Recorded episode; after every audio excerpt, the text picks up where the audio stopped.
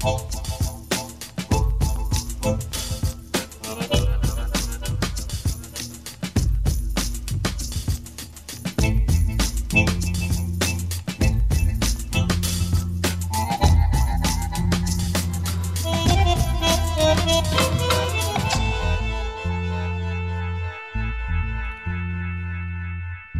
postavljeno pitanje da li je Dejtonski mirovni sporazum danas kočnica ili podloga za neku pozitivnu ili perspektivnu budućnost Bosne i Hercegovine, ja bih rekla da mislim ukratko da je on odradio svoje. Dakle, ono što, e, kako ga često opisujemo, jeste da je glavni doprinos Dejtonskog mirovnog sporazuma jeste što je zaustavio jedan krvavi rat, ali e, gledajući trendove koje u poslednjih nekoliko godina i perspektivu koja je pred nama, ja bih rekla da on će i ta čak karakteristika zaustavljanje rata ili, e, ili održavanja mira postaje sve slabija. Dakle, ako se stvari nastave na način kako idu, pitanje je uopće da li Dejtonski mirovni sporazum može održati mir. E, razlozi za to, rekla bih, prije svega su strukturne prirode. Dakle, e, mi često čujemo da je samo potrebno pronaći nove i bolje ljude i nove vođe koje neće zloupotrebljavati um, Dejtonski mirovni sporazum ili način uređenja zemlje za osiguranje svojih sebičnih ili, ili e, partikularnih e, interesa. Međutim, e, po mom mišljenju, Dejton stvarno strukturno naprosto stvara podlogu za bilo koga danas sutra E, da, da zloupotrebljava e, alate koje mu, koje, koje mu daje da bi, e, da bi Bosnu i Hercegovinu održavao disfunkcionalnom. Često se Bosnu i Hercegovinu isto tako opisuje kao neki poseban slučaj, pa onda tu imamo E, ili određenu empatiju ili određenu frustraciju na način kako zemlja funkcionira, jer tu su sukovljene različite e, etničke grupe ili različite religije, pa se onda stalno unosi taj povijesni, historijski e, kontekst koji onda objašnjava zbog čega zemlja danas ne može funkcionirati. Ali Bosna i Hercegovina se ne nalazi na Marsu, nije u nekom drugom univerzumu, pravila koja vrijede u drugim zemljama trebaju i moraju vrijediti u Bosni i Hercegovini, osobito u kontekstu dakle ideje ili namjere da Bosna i Hercegovina postane članica Evropske unije, a NATO evo već e, je jedna druga, druga priča. E, endemska korupcija koja je naprosto e, nagriza zdravo tkivo Bosne i Hercegovine, e, rekla bih opet e, je dopuštena ili proizilazi iz Daytona koji omogućava, koji je naprosto politiku u Bosni i Hercegovini reducirao na etnički princip. Dakle, u Bosni i Hercegovini je etnicitet jedina moneta za, za, za participiranje i za, i za e, potkusurivanje, rekla bih, u Bosni i Hercegovini. I e, e, mogućnost, Dayton to inicijalno nije bio zamislio, on je dao mogućnost i civilni, dakle on ima taj etnički aspekt, ima i civilni aspekt, građanski aspekt.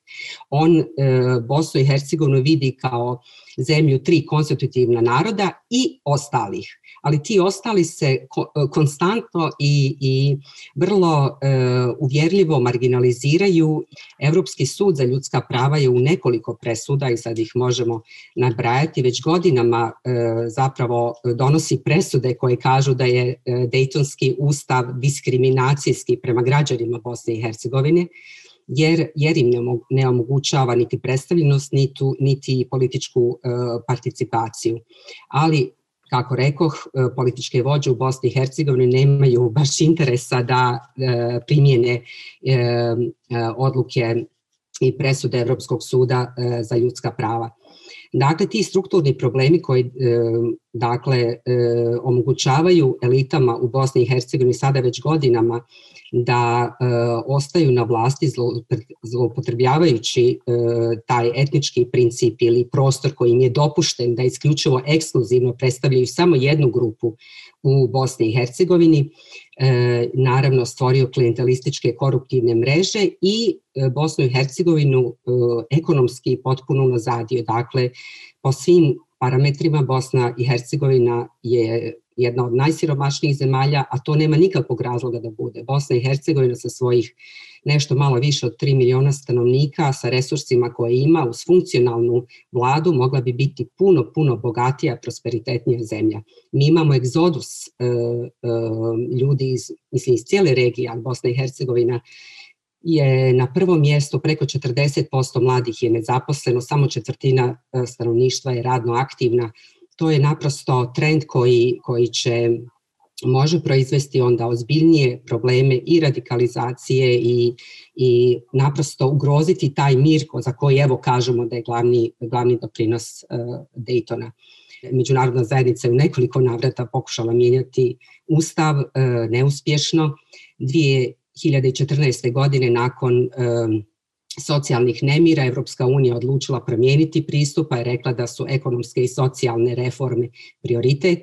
Međutim, nakon opet šest godina neuspješne primjene e, i promjene stanja u zemlji kroz fokus na socijalne i ekonomske reforme, e, mislim da je došlo vrijeme do toga da kažemo da je, da je, je ključni uzrok ili temelj ili okvir onog gdje moramo početi stvari rješavati jeste ustav E, Bosne i Hercegovine.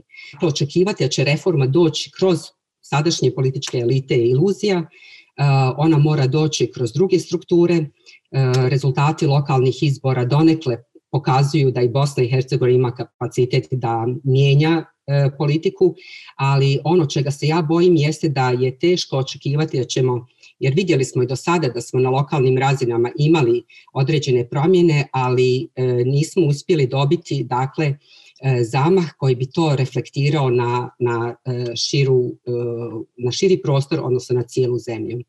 Dayton kao takav moramo na po prihvatiti da on ne, ne dopušta takvu vrstu emancipacije. On je zamrznuo konflikt i e, svi koji su sada u njemu participiraju imaju interes da sadašnje stanje zadrže. Samo građani koji žele drugačiju vrstu zemlje moraju, ili, ili naravno politički akteri koji imaju drugačiju viziju, moraju e, e, pokazati koja je to alternativa i šta su spremni učiniti da bi, da bi ta alternativa postala vjerodostojan e, putokaz za e, drugačiju zemlju. Dakle, evo, završila bih s tim 25 godina nakon e, Daytona, mislim da je on odradio svoje, dao je dobre doprinose, ali sada je trenutak da se ide dalje. Iskoristit ću na priliku da ne bih kasnije zaboravio na ono što su moja pitanja, pa možda ću i sad odmah reći A, naravno, ne očekujem odgovor sada, nego na kraju kad završimo sa svim izlaganjima, znači, tako da imaš i više vremena da možda da malo razmisliš. dva su, jedno je e, kad kažeš pitanja, pitanje da li Dejtonski sporazum može održati mir, da li bi mogla možda malo više reći o tome odakle dolaze glavni izvori sigurnosnih pretnji? Dakle, što zapravo znači, odakle bi onda proizašao taj neki novi konflikt? To je jedno. I drugo je ovo ovaj, potreba da građani BiH preuzmu odgovornost za svoju zemlju. Kako napraviti tu tranziciju prema punom suverenitetu Bosne i Hercegovine, koji je, koji je pun u vanjskom smislu, ali nije u unutarnjem smislu, jer tu još uvijek imamo i visoke predstavnike i, i, druge, i druge, druga ograničenja punoga e, e, suvereniteta. U samom Dejtonskog sporazumu postoje sistemske greške, barem mi to tako zovemo ovdje u Bosni i Hercegovini, jer e, država sa ovakvim uređenjem vrlo teško može funkcionirati. Imamo državu koja u sebi sadrži dva entiteta, dva entiteta koja nisu e, simetrična, oni su asimetrični jer federacija je složen entitet od deset kantona. Republika Srpska je unitarna jedna tvorevina, pa zato se e, uvijek čini kao da ona bolje funkcionira nego federacija zato što je tamo vrlo lako temeljem samog Ustava Republike Srpske ostvariti jedinstvo vlasti. To je u federaciji malo teže postići.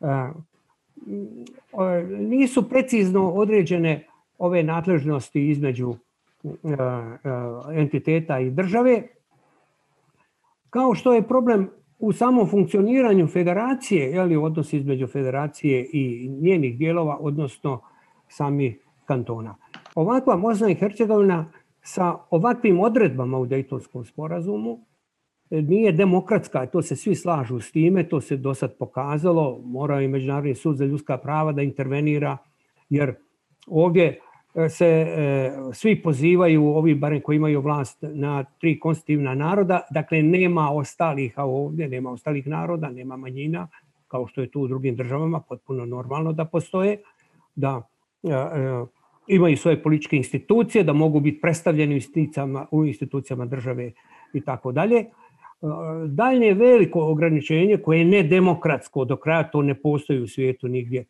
Jel da u jednom, da iz jednog entiteta ljudi ne mogu se kandidirati za najviše državne funkcije, e, jer je Dejtonski ustav tako to odredio, tako da Srbin iz federacije ne može biti član predsjedništva države, a Hrvat i Bošnjak iz Republike Srpske ne može biti član predsjedništva. Jel?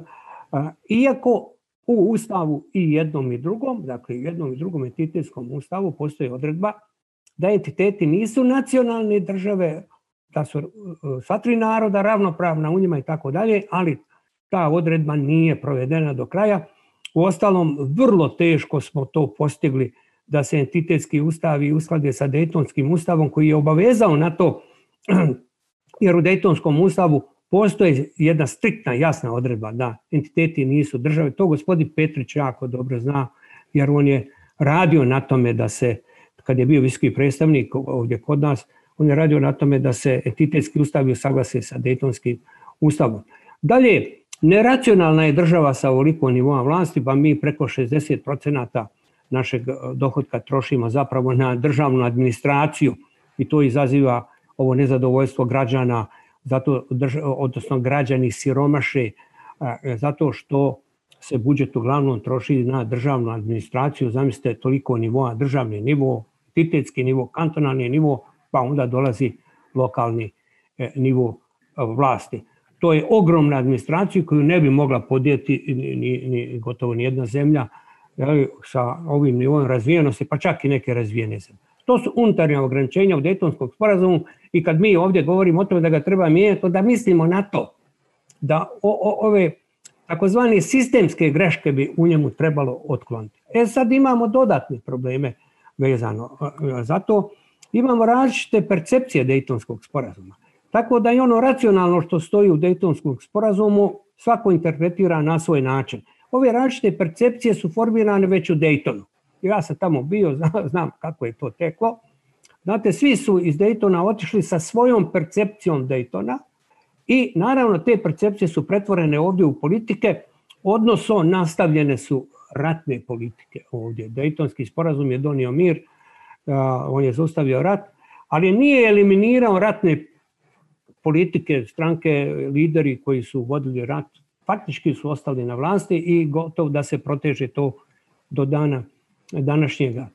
Dodatni problem je što različite percepcije o Dejtonskom sporazumu imaju naši susjedi.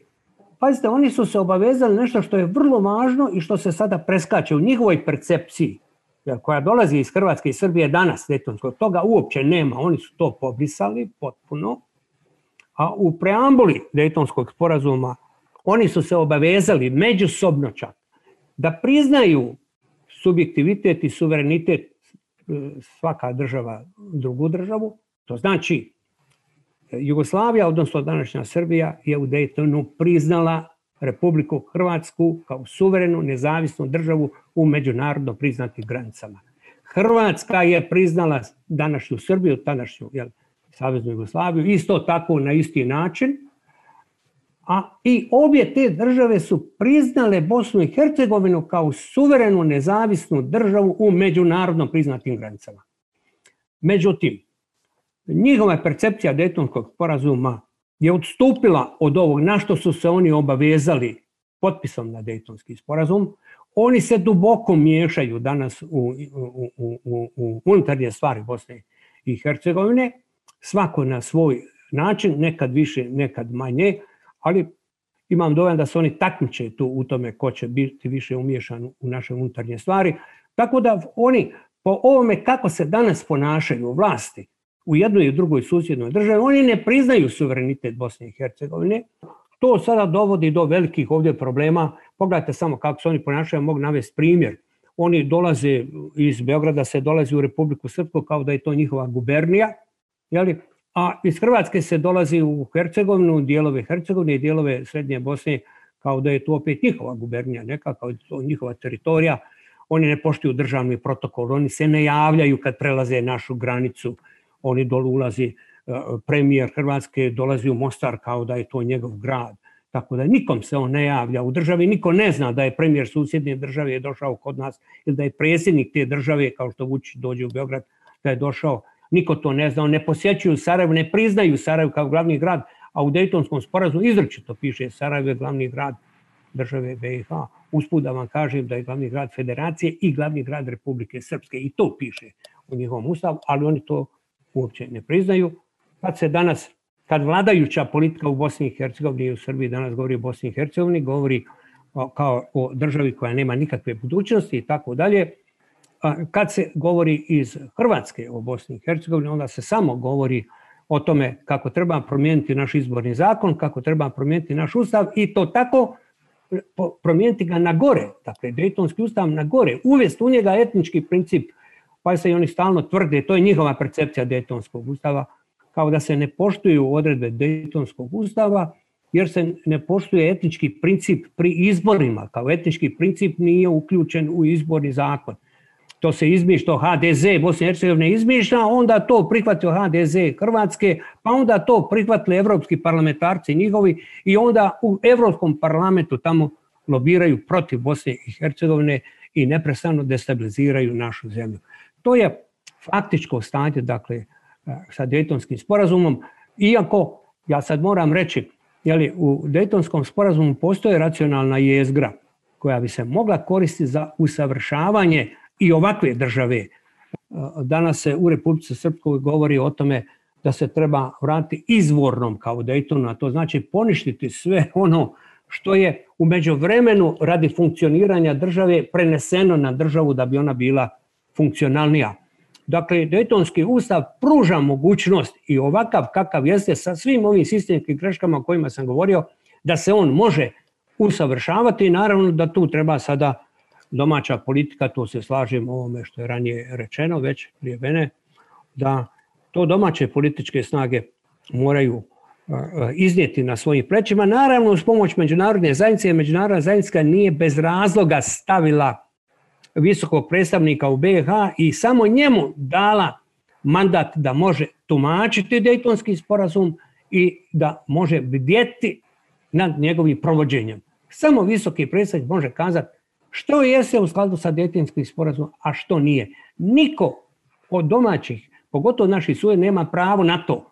A oni se jeli, stavljaju iznad toga, sad oni tumače šta je po Daytonu, šta nije i naravno po Daytonu je sve što oni rade, a sve što oni drugi bi htjeli, to nije po Daytonu i tako dalje. OHR, odnosno visoki predstavnik, dobio mandat da bude jedini istinski tumač Dejtonskog sporazuma i da čuva Dejtonski sporazum od narušavanja. I zato mu je dat taj mandat, te ovlasti koje nažalost evo zadnjih godina se ne koriste. Govorili ste dosta o tom etničkom i građanskom, dakle o tom nekom, nekoj kombinaciji jednoga i drugoga. E, kako povećati osjećaj e, građanstva? Dakle, taj jedan osjećaj da ne pripadaju ljudi samo ili da čovjek ne pripada samo nekoj etničkoj grupi. Da li doista građani Bosne i Hercegovine sebe vide ili primarno ili ekskluzivno kao e, pripadnike svojih nacija, dakle Srbe, Hrvate i Bošnjake. Zašto vas to pitam? Ja se sjećam naravno situacije 89. ili 90. E, za današnju da, ekipu istraživačku tjednika danas sam istraživao javno mnjenje, išao sam u bosanske gradove, Banja Luku, Tuzlu, Zenicu i Sarajevo. I jedno od pitanja na našem upitniku tada, to je bila 90 je bilo da li treba dozvoliti ili ne etničke partije. I kao što znate, prvo je bilo zabranjeno, pa je poslije bilo dopuštena. Da. I e, u nekim fabrikama, ja ću vam sad tačno da vam kažem, u Rudi Čajevcu u Banjoj Luci, e, su ljudi napravili protest protiv nas, koji smo dolazili iz Danasa, koji je bio tretiran u Beogradu kao problematik. Protest, šta mi to uopće pitamo i kako se mi u suđenom donosimo nemir u jednu skladnu sredinu u kojoj je nepristojno i politički nekorektno da se pita takvo pitanje. E sad, mene zanima sljedeće, možda je to doista, moj dojem je uvijek, kada ja sam turist, znate, u Bosni, ja dođem kao prijatelj Bosne ovako na par dana i doista vidim da ljudima pomalo neprijatno pitanje kojim jezikom govoriš. Smatraju, prvo gledaju da li si potpuno pri sebi, ali kad čak i politički korektan, pa kažeš da li želiš da govorimo srpski ili hrvatski ili bošnjački, ljudi to smatraju paradoksalno. Dakle, moje je nekako dojam izvana dolazeći da ljudi još uvijek imaju, da smatraju politički nekorektno biti e, isključivo Srbin, Hrvat i Bošnjak. Ali nisam siguran da sam u pravu, nisam siguran. Pa bismo voljeli ako možete vi da kažete svoje mišljenje. Ali to ćemo ostaviti nakon što e, sada damo riječ e, o, gospodin, ja ću vas podsjetiti ako je potrebno, zapisao sam sve pitanja, ali volio bih sada da čujemo još izlaganje, naravno našega dragog prijatelja i gosta e, gospodina Aleksandra Popova, kojega naravno znamo kao kopredsjedatelja ili supredsjedatelja Igmanske inicijative. Ovde se vredi osvrnuti na ulogu visokog predstavnika. Njega je spomenuo gospodin Ivo Komšić, e, e, visokog predstavnika međunarodne zajednice koji je, kako je gospodin Komšić rekao, po aneksu 10, konače organ na terenu vezano za tumačenje detovskog sporozuma. Dok su njegovi prethodnici, E, delovali proaktivno i koristili bonska urašćenja, sadašnji visoki predstavnik kao da se ne meša u svoj posao. Uzmimo samo poslednji slučaj kada je uputio opomenu članu predsjedništa iz Republike Srpske zbog one table e, na studenskom domu na Palama sa Karadžićim imenom, on je dao rok od šest meseci da se ta tabla ukloni. A da ne govorimo, mislim, na što su se mnogi nasmejali, jer da, da treba stvarno šest meseci da se ukloni jedna tabla sa imenom ratnog zločinca, I, a da ne govorimo o tome što e, i dalje u e, Hercegovini, na primjer, ili u Bosni i Hercegovini generalno, postoji imena ulica, e, ulica sa imenima račnih zločinaca iz drugog svetskog rata. Takvim delovanjem visoki predstavnik je dodatno ojačao utisak predstavnika tri naroda da im niko ništa ne može i da će sva kršenja Dejtovskog sporazuma i zakona proći nekaženo. Dobro, ja bih prvo zamolio Senadu Šelošabića da, da, da, da nam odgovori na ova pitanja i imam još jedno dodatno, iako ne već ima dva, znači samo da podsjetim Senada, dakle odakle dolaze glavni izvori sigurnosnih prijetnji i kako napraviti tranziciju prema punom suverenitetu. Možda je i za tebe pitanje je li Bosna i Hercegovina neuspjela država, odnosno failed state? E, ja sam e, nedavno završila, bila sam dio jednog e, jednog istraživačkog tima koji je radio dakle analizu sigurnosnih prijetnji u Bosni i Hercegovini i Makedoniji kroz dakle iz različitih izvora i jedan od naših zaključaka je bio dakle da polarizacija politička polarizacija osobito u Bosni i Hercegovini u toj mjeri utječe na frustraciju, nezadovoljstvo, ljutnju i, i e, bijes građana koja onda potpomognuti naravno društvenim mrežama, nezaposlenošću, siromaštvom i općenito nekim globalnim kontekstom mogu biti relativno recimo lake prijetnje e, ili, ili e, plijen za e, radikalizaciju ili neke radikalne e, e, ideje. One nužno ne moraju biti dakle, generirane iz vjerskih, mogu vrlo često i jesu ideoloških e, pozicija. E, s druge strane, isto tako, e, ono što je pozitivno jeste da taj, taj resilience ili otpornost bosansko-hercegovačkog društva je zapravo izvanredan. Vi kad pogledate 25 godina nakon rata, vi idete u mjesta gdje se ljudi sreću, E, ko znajući da su bili, ne samo da su bili na drugoj strani, nego da su počinili zločine i e, osveta ili princip osvete zapravo u Bosni i Hercegovini ne postoji. I, i sva, mi, mislim da vrlo često cijela ta priča o mogućnosti da Bosna i Hercegovina postane izvor sigurnosne prijetnje za druge, je se, se manipulira i, i e, koristi za neke druge političke e, ciljeve, a ne u službi e, pomoći Bosni i Hercegovini. Što opet ne znači, ponavljam, da dakle strukturni faktori koji onemogućavaju da Bosna i Hercegovina postane funkcionalna zemlja ne znači da ne generiraju onda i sigurnosni problem. Uh, Što se tiče, dakle, od kuda će krenuti to građanstvo, to je i gospodin e, Popov postavio pitanje, nešto je gospodin Komčić ranije rekao, naravno da to nije lako. Nakon 25 godina izluđivanja građana od strane nacionalnih vođa i uvjeravanja građana da jedini zaštitnik istinski njihovih interesa jesu oni, nije jednostavno, to je potpuno jasno. Rekla sam isto tako da oni svojevoljno se neće odreći svoje pozicije jer na njoj profitiraju. Dakle, jedino što ostaje jeste onemogućiti strah prije svega. Mi smo imali e, situacije gdje su se građani bunili, ali su te ti protesti bili ugušivani mhm. i nakon toga zapravo su smanjilo potencijal da se građani pobune. I pravda za Davida i pravda za Dženana i 2014. protesti koji su bili generirani ekonomskim pitanjima su zapravo nestali jer nije bilo dovoljno tog e, kapaciteta. Dakle, e, iznutra ili snage da se, da se e, da ljudi zaista se izbore za svoje za pravdu Eh, ako ćemo pričati o ovim zadnjim slučajevima, ili za eh, svoje interese, eh, jer je naprosto politička stega prejaka. Međunarodna zajednica može doprinijeti onemogućavanju političke supermoći koju, koju vlastodržci imaju na način da evo, Evropska unija je sad uvela jel, specijalnog tužitelja za e, e, korupciju. Dakle, međunarodna zajednica ne treba doći i mikromenadžerirati Bosnu i Hercegovini, ali može inzistirati na pravilima koja vrijede u njihovim zemljama da moraju vrijediti i u Bosni i Hercegovini. Hvala i sad zadnje je ovo pitanje failed state, ako, ako želiš odgovoriti ili... Ne, ne, ne bih rekla da je Bosna i Hercegovina... Um, failed state, failed dobro, state. u redu, ok.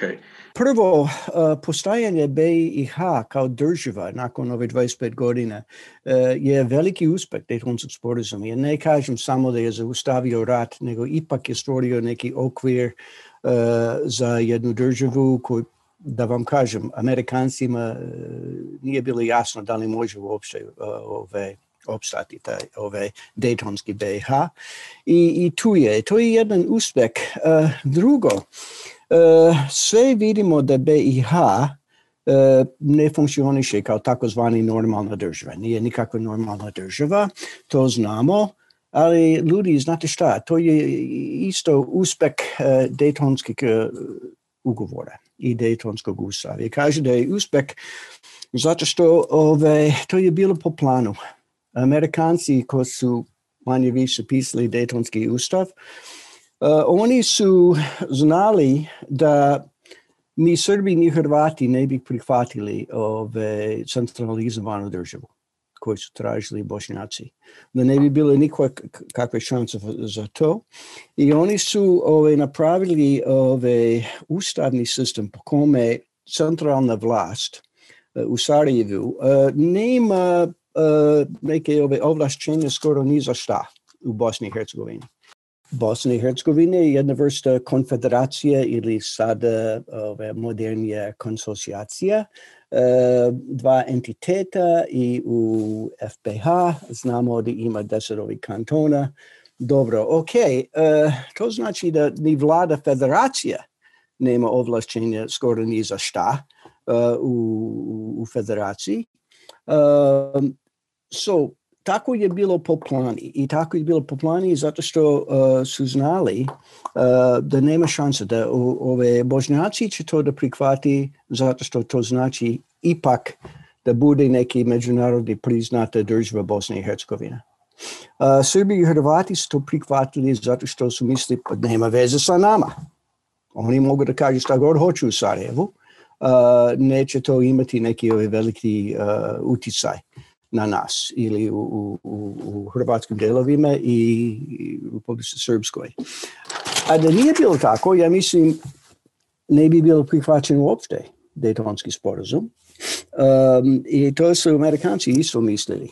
A oni su, a jednom ja poznajem ove ljudi, i kažem, ljudi, znate šta, ovo ne može funkcionisati. Mi, Amerikanci, znamo da konfederacija neće, neće funkcionisati, to će da raspad kažem, dobro, mi to znamo, ali e, naš zadatak e, nije bio da pravimo ustav za jednu funkcionalnu državu, nego da, da, da, da napisamo uh, nacrt ustava ko će biti prihvaćen od Bošnjaka, od Srba, od Hrvata.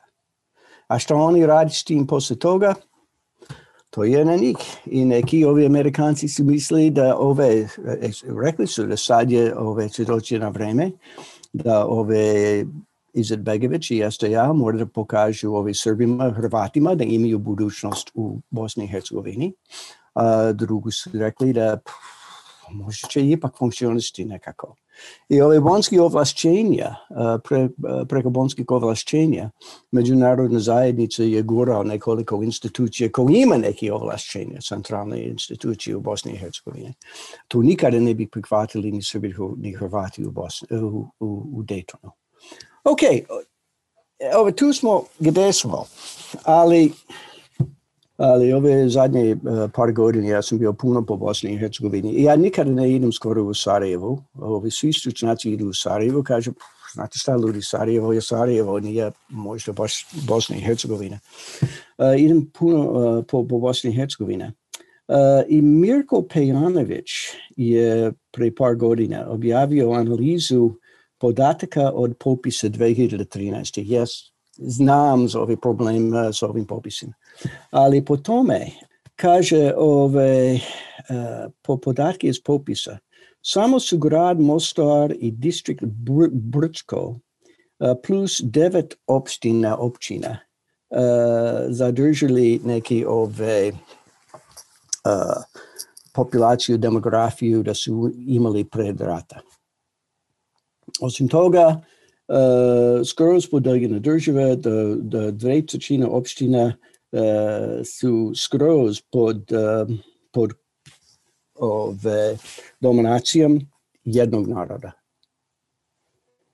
I, i, i to se vidi kad čovjek ide po Bosnu. Um, i, i, vidi na različite načine. E, meni je interesantno jedna, uh, jedan način. E, svuda po Bosni skoro ima spomenika vojnicima koji su se ginuli u ratu, u ovom ratu e, od 92. do 95. Ali ko su vojnici i u kom ratu? Vojnici armije B su tu spomenuli kao šehidi, Eh, e šihidi u, u, ratu, to je rat bio agresija na, na Bosni i Hercegovina, oni su branili uh, eh, Bosni i Hercegovina od agresija. Od agresija, to je interesantno, od agresija Srba, Hrvata i ove Vojska Republika Srpska i HVO, to su bili vojnici iz Bosni i Hercegovine, ali to je to. Uh, Srbi uh, su pali borci i pali su o odbrambeno o tađbinskom ratu i Hrvati su naravno branitelji, branitelji koji su pali u domovinskom ratu. Uh, I ta srpska otađbina nije Bosna i Hercegovina, delovi Bosne i Hercegovine, ali nije Bosna i Hercegovina. Uh, Hrvatska domovina nije Bosna i Hercegovina, nego delovi Hercegovine i, i Bosna. Dakle, mnogo je podeljeno to, to društvo. podržené na různým nivou. Dále je Bosna i Hercegovina ne, eh, osuđena neúspěch. Po, evo, politický fakt je od 1990 dalje. Uh, mnogo uh, Srba i, i, i Hrvata uh, nisu bili spremni da prihvati BiH. Uh, eh, znači da stvorenje uh, te države nikada ne bi išlo lako, ako može uopšte da uspe. A nekako je, je ipak uh, uspelo. Da li je sada moguće da stvori centralizovanu državu sa vladom iz Sarajeva? Ja mislim da bi bilo jako teško. E, ja mislim da jedna Bosna i Hercegovina po modelu Belgija bi možda biti uh, uspešna. Ja ne vidim nikakve šanse da pravi Francusko od Bosne i Hercegovine, ali Belgiju možda. Mislim, na prvi pogled izgleda kao da je impossible da takva zemlja nakon tako teškog rata jel, e, se konsolidira i funkcionira, a s druge strane to je the only possible way, kao što ste i sami rekli, je da se napravi neka vrsta kompromisa. Pritom je to podsjetilo, samo usput nemam pitanje, imam samo mali komentar, podsjetilo me na eh, Eugena Pusića koji je komentirao, ja se sjećam jednom, svi znamo tko je on, ja se sjećam njegove neke tribine oko Daytonskog sporazuma kad je on donijet. I rekao je, znate, po zakonima fizike bumbar ne bi trebao da može da leti, zato što on ima pre slaba krila za svoje veliko telo. Ali on leti, Sljedeći je e, naš dragi prijatelj iz Pariza, Xavier Bugarel, kojega, e, koji je istraživač u, u Centru za turske, otomanske, balkanske i centralnoazijske teme. Pre nego što govorimo o, o budućnosti e, Hercegovine, e, ja bih želio govoriti o prošlosti. Jer u prošlosti Bosne i Hercegovine nema samo neuspeha. Imamo dva perioda u istoriji Bosne i Hercegovine, u istoriji savremene Bosne i Hercegovine koji su uspješni, to je period Austro-Ugarske i period socijalističke Jugoslavije. To su perioda koji su nudili e, građanima Bosne i Hercegovine i sigurnost i budućnost. Ali to su dva perioda u kojem su priznata tri konstitutivna naroda. Nema principa građanstva u Austro-Ugarskoj ili u socijalističkoj Jugoslaviji, ima samo principa konstitutivnih naroda. Princip ključa, poznati princip ključa je stvoren za vreme Austro-Ugarske. Partizani su spasili bosansko društvo ne kukajući o građanstvu ili o evropskim vrednostima, nego stvarajući, stvarajući novi konsocijalizam između tri konstitutivna naroda. Tako da uspjeh Bosne i Hercegovine, uspjeh u Bosni i Hercegovini je uvijek vezan sa priznanjem postojanja tri konstitutivna naroda. To može biti lekcija i za budućnost. 25 godina posle Dejtonskog sporazuma, meni se čini da smo svi zaboravili šta je poreklo tog sporazuma i šta je bio smisao tog sporazuma. Poreklo Dejtonskog sporazuma je Vašingtonski sporazum koji je stvorio federacija između muslimana i Hrvata. I poreklo Fašinskog sporazuma je predlog hrvatskog nacionalnog vječa. To znači tih Hrvata koji su bili protiv HDZ, građanske snage, koji su predložili pretvaranje Bosne i Hercegovine u federaciji etničkih kantona. To je predlog Hrvatskog nacionalnog vječa. To nije predlog Amerike. i taj predlog je bio protiv podjele Bosne i Hercegovine u tri republike koji je predviđen u oven Stoltenbergovom planu.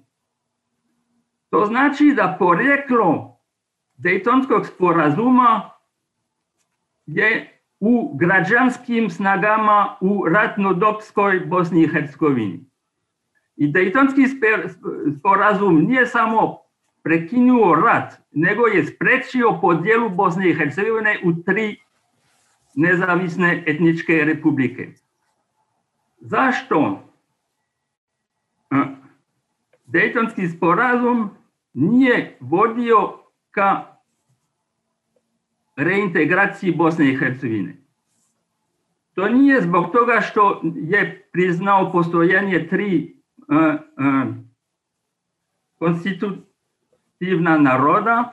To nije zato što Jakov Finci nema pravo da bude izabran u predsjedništvo Bosne i Hercegovine. Mislim, to je najmanji problem sadašnje Bosne i Hercegovine. U filozofiji Dejtonskog sporazuma ima nešto drugo. I tu dolazi američki, američki faktor. Arhitekti Dejtonskog sporazuma u Dejtonu su mislili da Ustav Bosne i Hercegovine Dejtonski ustav neće trajati dugo, nego da slobodni izbori i e, tržišna ekonomija će vo, e, voditi do ponavljanja političkih elita u Bosni i Hercegovini i da te nove političke elite će biti sposobne da stvaraju novi kompromis, to jest novi ustav u Bosni i Hercegovini. Taj scenario nije funkcionisao. Ali šta je nije funkcionisao u tom scenariju, nije konsocijativisam ili ustav, dejtonski ustav, nego politički i ekonomski liberalizam. Ekonomski i politički liberalizam u Bosni i Hercegovini nije stvorio nove elite koji su sposobne da stvaraju novi ustav, nego ekonomski i politički liberalizam su stvorili korupciju i mafijaštvo. I ponavljanje tih e, starih nacionalističkih elita koji su zarobili e, Dejtonski sporazum i e, vodili Bosnu i Hercegovini u čorsokak. Jedini koji su u Bosni i Hercegovini koji su nesposobni da razumeju stvarnost bosanskog društva su takozvane građanske snage te građanske snage stalno govore o građanstvu, o ljudskim pravima, o Evropskoj uniji, ali nisu sposobni da razumeju sobstveno društvo. Nisu sposobni da razumeju šta čini bosansko društvo. Rat u Bosni i Hercegovini je stvorio dve važne socijalne grupe. Jedna grupa su izbeglice i druga grupa su borci i te izbeglice i ti borci su i tekako protestovali u toku tih zadnjih 25 godina. Ali građanske snage su bile potpuno nesposobne da stupe u kontakt sa tim socijalnim grupama. Građanske snage su bile potpuno nesposobne da nađu odgovor na frustracijama boraca u Bosni i Hercegovini. Zato su bili nacionalne stranke sposobne da manipulišu s tim borcima. Tako da bezperspektivnost Bosne i Hercegovine danas je i bezperspektivnost i nesposobnost građanskih snaga da razumeju sobstveno društvo. Zanimljivo je bilo čuti ove dve dva dobra perioda za Bosnu i Hercegovinu, znači imperialni i socijalistički, ali moje pitanje je bilo sljedeće, iz ove današnje perspektive teško da će doći nazad i imperija i socijalizam. Da li to znači da i Bosna i Hercegovina e, nema šansi, odnosno nema budućnosti? Jer u svijetu nacionalnih država ovakvih i onakvih e, na neki način gledati na uzore imperialne i socijalističke i graditi na ostavštini toga je pitanje je li moguće. Ali dobro, vratit ćemo se tome, pretpostavljam, e, na kraju. E, evo, e, pozdravljam također i profesora Šatira Filandru. Ali netom održane lokalne izbori, posebno u Sarajevu, zatim još nekim urbanim središtima u entitetu Republika Srpska, ohrabrili su građanski politički blok. Sad se postavlja zapravo pitanje da li ono što su pozitivnom smislu desilo u Bijeljini, Banja Luci, Bihaću, Tuzli, Zenici i Sarajevu, neka zakonomjernost, neki novi društveni tok, neki novi tok svijesti ili je to nešto što je zapravo ad hoc pojava u vrlo teškim pandemičnim uslovima i teškim socijalnim uslovima za Bosnu i Hercegovinu. Ima u Bosni jedna izreka koju sam čuo, budući da sam Hercegovac, kad sam došao u Bosnu, kaže, s Bogom Bosno, odoh u Sarajevo. Ono što se e, e, ta narodna izreka govori zapravo da Sarajevo nije Bosna, i da ono što se dešava u Sarajevu nužno ne slijedi da se dešava u cijeloj Bosni, da je Bosna nešto drugo u odnosu na Sarajevo. Naime, e, bosansko-hercegovačko e, društvo kroz e, i recentnu i daljnju prošlost ne posjeduje tradiciju centralizacije društvenog, kulturnog i političkog života iz različitih razloga, fragmentiranost tog e, prostora u kulturnom, geografskom, regionalnom i svakom drugom smislu bila je prisutna kroz cijelu povijest i neke e, metropolizacije politike ili društvenog života u Bosni i Hercegovini nikada nije bilo Ona je znači u izvjesnom smislu uvijek bila a, fragmentirano društvo. A, Mi smo danas svjedoci e, čestih e, pozivanja na činjenicu da je bosansko društvo podijeljeno društvo. Mi nemamo neki značajni socioantropoloških ispitivanja bosanskog društva, ali se iz različitih izvora nas koje zanima Bosna i bosansko društvo i bosanska povijest i bosanski zapravo identitet spravo može tvrditi da je Bosna uvijek bila podeljeno društvo. To je uvijek bilo podeljeno društvo. Danas, današnji oblici podjele, bez obzira koliko to zvučalo grubo, možda jesu malo ta demarkaciona linija podjela je malo je politizirana, ali to je bilo uvijek podeljeno društvo.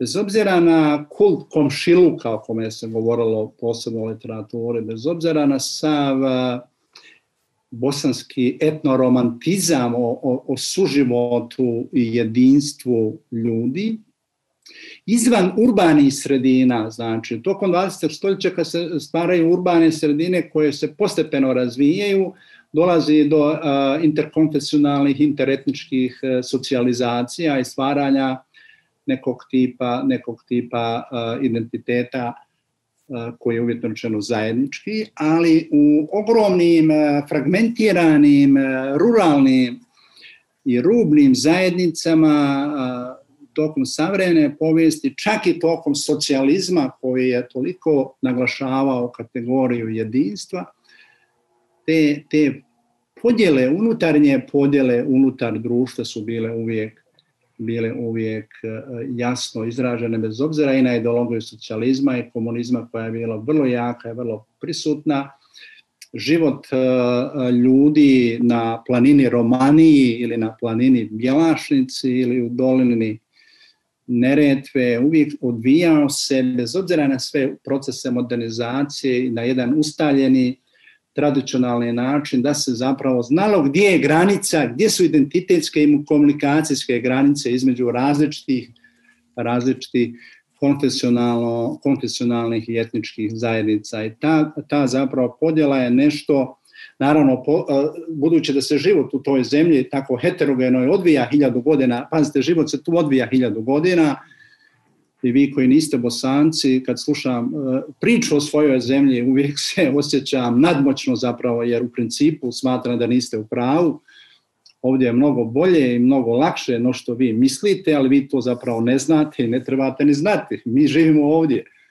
Inače, da, da su e, spoljni diskursi o Bosni tačni, mi bi svi pobjegli odavde iste sekunde, toliko je ti diskursi crni zapravo, besperspektivni, a to nije, kažem, tačno Ta izvrsna, izvjesna, kažem, dimenzija podijeljenosti, ona je uvijek bila ovdje prisutna i ona, ali naravno uvijek se iznalazili modusi, vrlo specifični, vrlo sui generis modusi, modusi održavanja života u toj različitosti od osmanskog perioda, jugoslavenskog perioda i ovog novog perioda, pazite. Danas kad vi dođete primjera radi, u, u tržnicu američka administracija je posle rata u gradu Brčko, gore na sjeveru, polagala velike nade u svoje modele integracije, pa je otvorila Arizonu, jednu veliku tržnicu koja je vremenom propala, kao je mnoge stvari u ovoj zemlji, ali ima recimo dr, ima sjajna tržnica, tradicionalna stara tržnica još od doba Rimljana u Čapljene dole u doline rijeke Nerevte u Gabeli, gdje su Troju nekada pokušali situirati Kad vi dođete na tu tržnicu gdje dolaze danas e, e, bošnjaci, Srbi i Hrvati, sve funkcioniše sjajno, tržnica funkcioniše svakodnevno. Po nepisanom pravilu, to niko nije normirao, e, Hrvat je vlasnik tržnice, po nepisanom pravilu Bošnjaci imaju svoj red gdje parkiraju automobile sa, sa robom koja nude. Srbi imaju svoj red, a Hrvati imaju svoj red ima svak svoj red na toj tržnici, ali skupa idu da, da, da, da piju kafu i skupa obavljaju trgovinu. To je taj oblik e, neke zapravo nekog modusa vivendi tih različitosti, one su društvenog karaktera. Ono što je e, e, problematično uvek su zapravo političke podjele, nije fraza reći, zvuči kao fraza da političke podjele dolazi svana, ali vjerujte to nije ona fraza, unutar same Bosne nikada nisu postojali samostalni politički koncept i njene teritorijalno-političke podjele, znači samostalno. Da li je moguća Bosna bez Bošnjaka? Vrlo, vrlo legitimno pitanje. To pitanje je meni postavio Alija Izetbegović s kojim sam imao prilično dobre odnose nekih mjeseci prije njegove smrti i prilično me iznenadio tim pitanjem i to mi je zanimljivo, hoću da ponovim ovdje, kaže, moguća je Bosna bez Bošnjaka, Bosna je moguća bez Bošnjaka zato što je zapravo povijest te zemlje, povijest njene posebnosti, povijest tog društva vrlo unikatna i on se zapravo u svom konceptu u svom konceptu predviđanju moguće budućnosti Bosne bojao, to je sad moj dojam koji sama dijelim, bojao se te situacije zapravo da je zapravo Bosna od Helsinkija na ovamo, zahvaljujući tim principima nepovredivosti granica i različitim međunarodnim normama kao država će opstati, ali je zapravo za njega bilo pitanje šta će biti šta će biti sa bošnjacima, posebno muslimanima u čitavom tom svijetu koji nije prilično prilično naklonjen i on je smatrao zapravo da, da možda Boš, e, Bosne će biti, ali je pitanje kako će u, u toj konstelaciji snaga proći sami bošnjaci. Moje pitanje bi bilo je li moguća Bosna bez Bosanaca i Hercegovaca u nekom političkom smislu. I nekako mi izgleda, gledajući izvana, kao netko ko ima samo dobre želje prema Bosni i Hercegovini i smatram da je bosansko-hercegovačko pitanje mnogo značajnije od samih, samog pitanja Bosne i Hercegovine, jer je to pitanje je li moguće da jedna takva zemlja etnički kompleksna nakon tako groznog rata E, ne samo preživi, nego prosperira i na neki način možda postaje dokaz da je e, mir mogući, da je suradnja moguća, bez obzira na te razlike. Dakle, a onda to ima reperkusije za Evropu i Evropsku uniju kao takvu. Ali, e, moje pitanje je, mislimo, bi onda bilo ne radili možda vlast u Bosni i Hercegovini suviše malo na tome da kreira i potakne neku vrstu bosansko-hercegovačkog identiteta nasuprot ovim trima etničkima. Zavije, ako se tebi dobro razumio, ti kažeš da u ovim e, periodima ove austro-ugarske vladavine i onda socijalističke Bosne i Hercegovine, e, to, tu su nudili sigurnost i budućnosti, ali e, to je e, teško bilo vezano sa sa ključem, sa, sa pojem e, tri e, konstitutivnih naroda i da nije znamo da nije uopšte bilo pitanje demokratije ni u Austro-Ugarskoj i ni u, u socijalističkoj Jugoslaviji.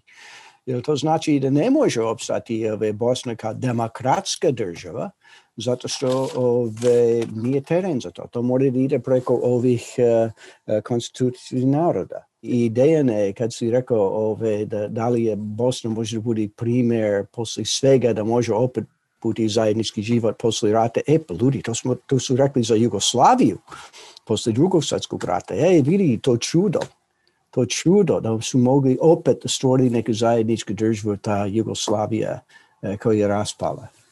Zavija, jesi verovatno upravo, ti si istoričar, ja nisam, e, da pojem ključe je e, proizvod austro ugarska Ali znam da za vreme ove prvi otomanski parlament, otomanska skupština, To su bili dve delegacije, jedna delegacija iz Bosne i jedna delegacija iz Hercegovine. I otomanska vlast je rekla da ove, mora da bude u svakoj delegaciji većina muslimana, pa onda određenih broja hrišćana plus jedan jevraj. I to je bila nikava ideja. Dakle, to nije ništa uh, novo u Bosni i Hercegovini. Uh, I politika posle Otomanskog carstva je uvek išla u tom tokom. Uh, dok nisu došli socijalisti na vlasti. Primjer jedan, e, naš slušatelj kaže e, da citirate Filand, e, gospodina Filandru u knjizi Islam and Nationhood in Bosnia i Hercegovina koji navodi da ne možemo koristiti genocid kao osnovu našeg budućeg identiteta. Na neki način i bošnjački i srpski identitet grade se na kolektivnoj traumi genocida. Da li je moguće izmeniti ove bazične činioce identiteta to jest da li je moguće međunacionalne odnose u Bosni i Hercegovini osloboditi konteksta rata i kompetitivne viktimizacije. I ima još jedno pitanje, da li preterano fokusiranje na sam Dejtonski sporazum isključuje iz polja analize društvene prakse i transformacije i na taj način iskrivljuje percepciju? Problem e, običnog građanskog, e, e, običnog e, bosanskog građana nije da može ili ne može biti izabran u predsjedništvu Bosne i Hercegovine, on ima druge probleme. S druge strane imamo u Bosni i Hercegovini jedan zdravstveni sistem i sistem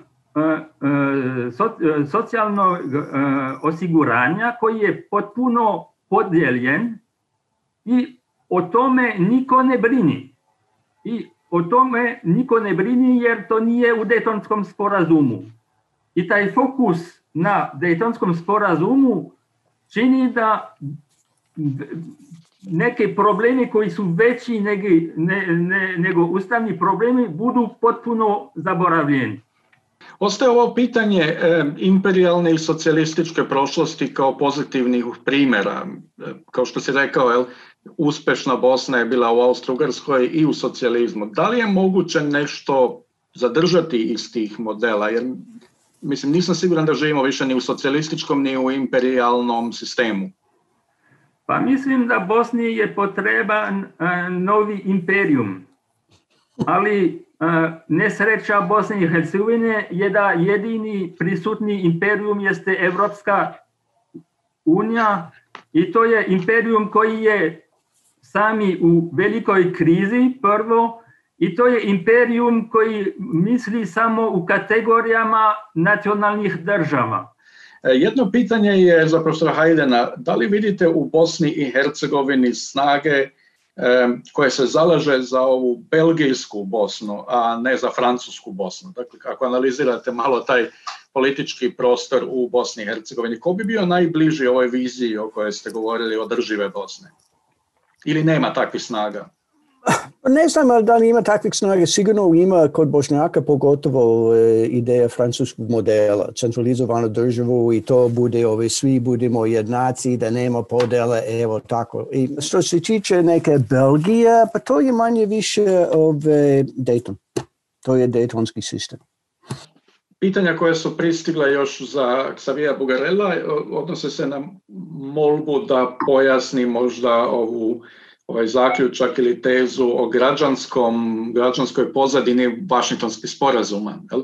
Porijeklo Dejtonskog sporazuma je predlog Hrvatskog nacionalnog vijeća 1993. godine da se Bosna i Hercegovina pretvara u federaciju etničkih kantona. I to je bio predlog protiv Oven Stoltenbergovog plana da se Bosna i Hercegovina da se Bosna i Hercegovina podeli u tri etničke države. Zato kažem da poreklo, poreklo eh, Dejtonskog sporazuma ima građansko poreklo. Ja sam nedavno gledao neke zapisnike ponovnog sjednica za vijeće, vijeća nacionalne sigurnosti u Hrvatskoj.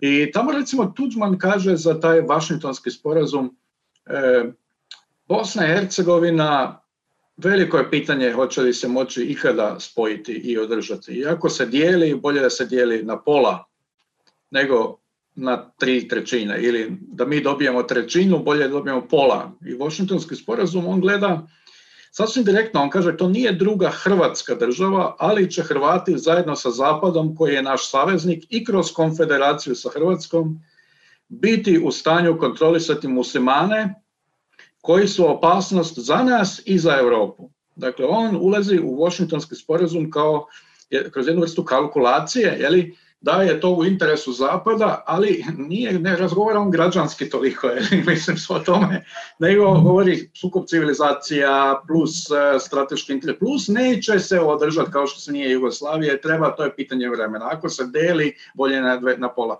Tako da, možda je ideja, ali da li je sama realizacija bila, e, izvolite Bob, hajde.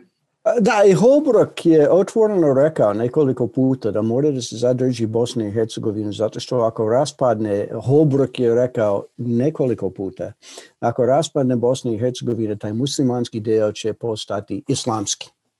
I da to ove, da zadatak e, Srbe i Hrvata u Bosni i Hercegovini će da bude, e, da, da drži muslimana pod kontrolom. A, to je suludo, ne možemo da pričamo o toj teoriji. Ne, da, ne. Da. Ali on je, je, je tako mislio. I Tuđman je nešto slično rekao u, u Parizu, da, da Hrvatska je spreman da prihvati zadatak. E, da, da, šta, da. Ove, I to jeste jedan deo američke politike. Što se tiče ideje, zadije, verovatno ti si jako dobro, sigurno sam da si u pravu e, odakle ta ideja, kantonizacija. Ali Amerikanci su hteli uh, prvo, uvek e, oni su imali e, strategiju, prva strategija što se tiče Bosne, prvo Jugoslavije, onda Bosne je sprečavati Rusiju i da izbaci ruski uticaj sa Balkana. To je prvi zadatak. Drugi zadatak je uvek bio uh, sprečavati Evropsku uniju da uradi bilo šta. Kako je rekla Madeleine Albright, ove, America is the, uh, šta je rekao, the, um, the indispensable Uh, u Washingtonu ove ljudi koji su tamo bili su, ove, su znali da stvori etničku podelu. Da to, da, to je bilo, uh, prvo je bilo ove, Hrvatsko-muslimanska federacija. To, u dokumentima je bilo napisano tako, Hrvatska muslimana federacija. Možda ideja se pridruži ovaj Srbi na kraju, ali e, znali, to je bila etnička podela. I, i o, oni su radili ove, ovaj, taj sporazum po tom planu. Ja mislim da suvremena Hrvatska zapravo s ovom pozicijom koju ima konstantno zapravo ima puno veći problem s Washingtonskim planom nego sa Daytonskim planom. Mislim, Daytonski plan oni nemaju problem, mislim govore, to je treba održati, vratiti nazad na izvorne temelje, ali Washingtonski plan koji zapravo stvara federaciju se sada čini iz hrvatske perspektive E, promošenim, ali to nitko u Hrvatskoj, mislim ne nitko, nego mislim trebao bi Mate Granić da objasni zašto je Washingtonski plan nastao. Evo ga tamo savjetnik premijera za vanjsku politiku, neće baš iskreno da kaže oko toga. Izvolite. Ba, ba ne, ali oni su videli da, da ove centralna vlada federacije nema ingerencije ni za šta. I oni su mislili, ok, mi ćemo da imamo, imamo hrvatski kantona i to je na granici sa Hrvatskom i to nema veze više sa Sarajevom, to je sve naš a nije da. ispalo tako. Meni se čini da sad ove e, ideje trećeg entiteta je nešto slično, to oni bi stvorili nešto kao Severna Mitrovici, ali u, u, u ove u Bosni i Hercegovini. E, Hrvati u, u Bosni i Hercegovini su sada manje više u položaju Srba na Kosovu da dođe do trećeg entiteta, to znači zapadna Hercegovina, ali većina uh, Hrvata ne živi u zapadnoj Hercegovini. I onda katolička crkva bi izgubila ove ovaj, svoje središte u Sarajevu, u Banja Luci i u Trebinju. Za kraj eh, ovog svega htjela bih samo reći da moja, ako, to, ako sam tako bila kvalificirana kao optimistična perspektiva Bosne i Hercegovine, e, nije, nije utopija. E, ja, e, ono što čujem jeste vrlo Eh, kvalitetne analize zašto Bosna i Hercegovina ne funkcionira. Vrlo malo toga jeste ideja ili vizija kako bi Bosna i Hercegovina mogla funkcionirati. Ja mislim da trebamo puno više energije uložiti u razmišljanje o mogućim rješenjima, a ne stalno pozivanje u prošlost. Svijet se mijenja, Bosna i Hercegovina se mijenja, vanjski kontekst se mijenja i e, kapacitet za projiciranje onoga što želimo vidjeti, a onda to staviti u kontekst realiteta, mislim, mislim da je pravi put.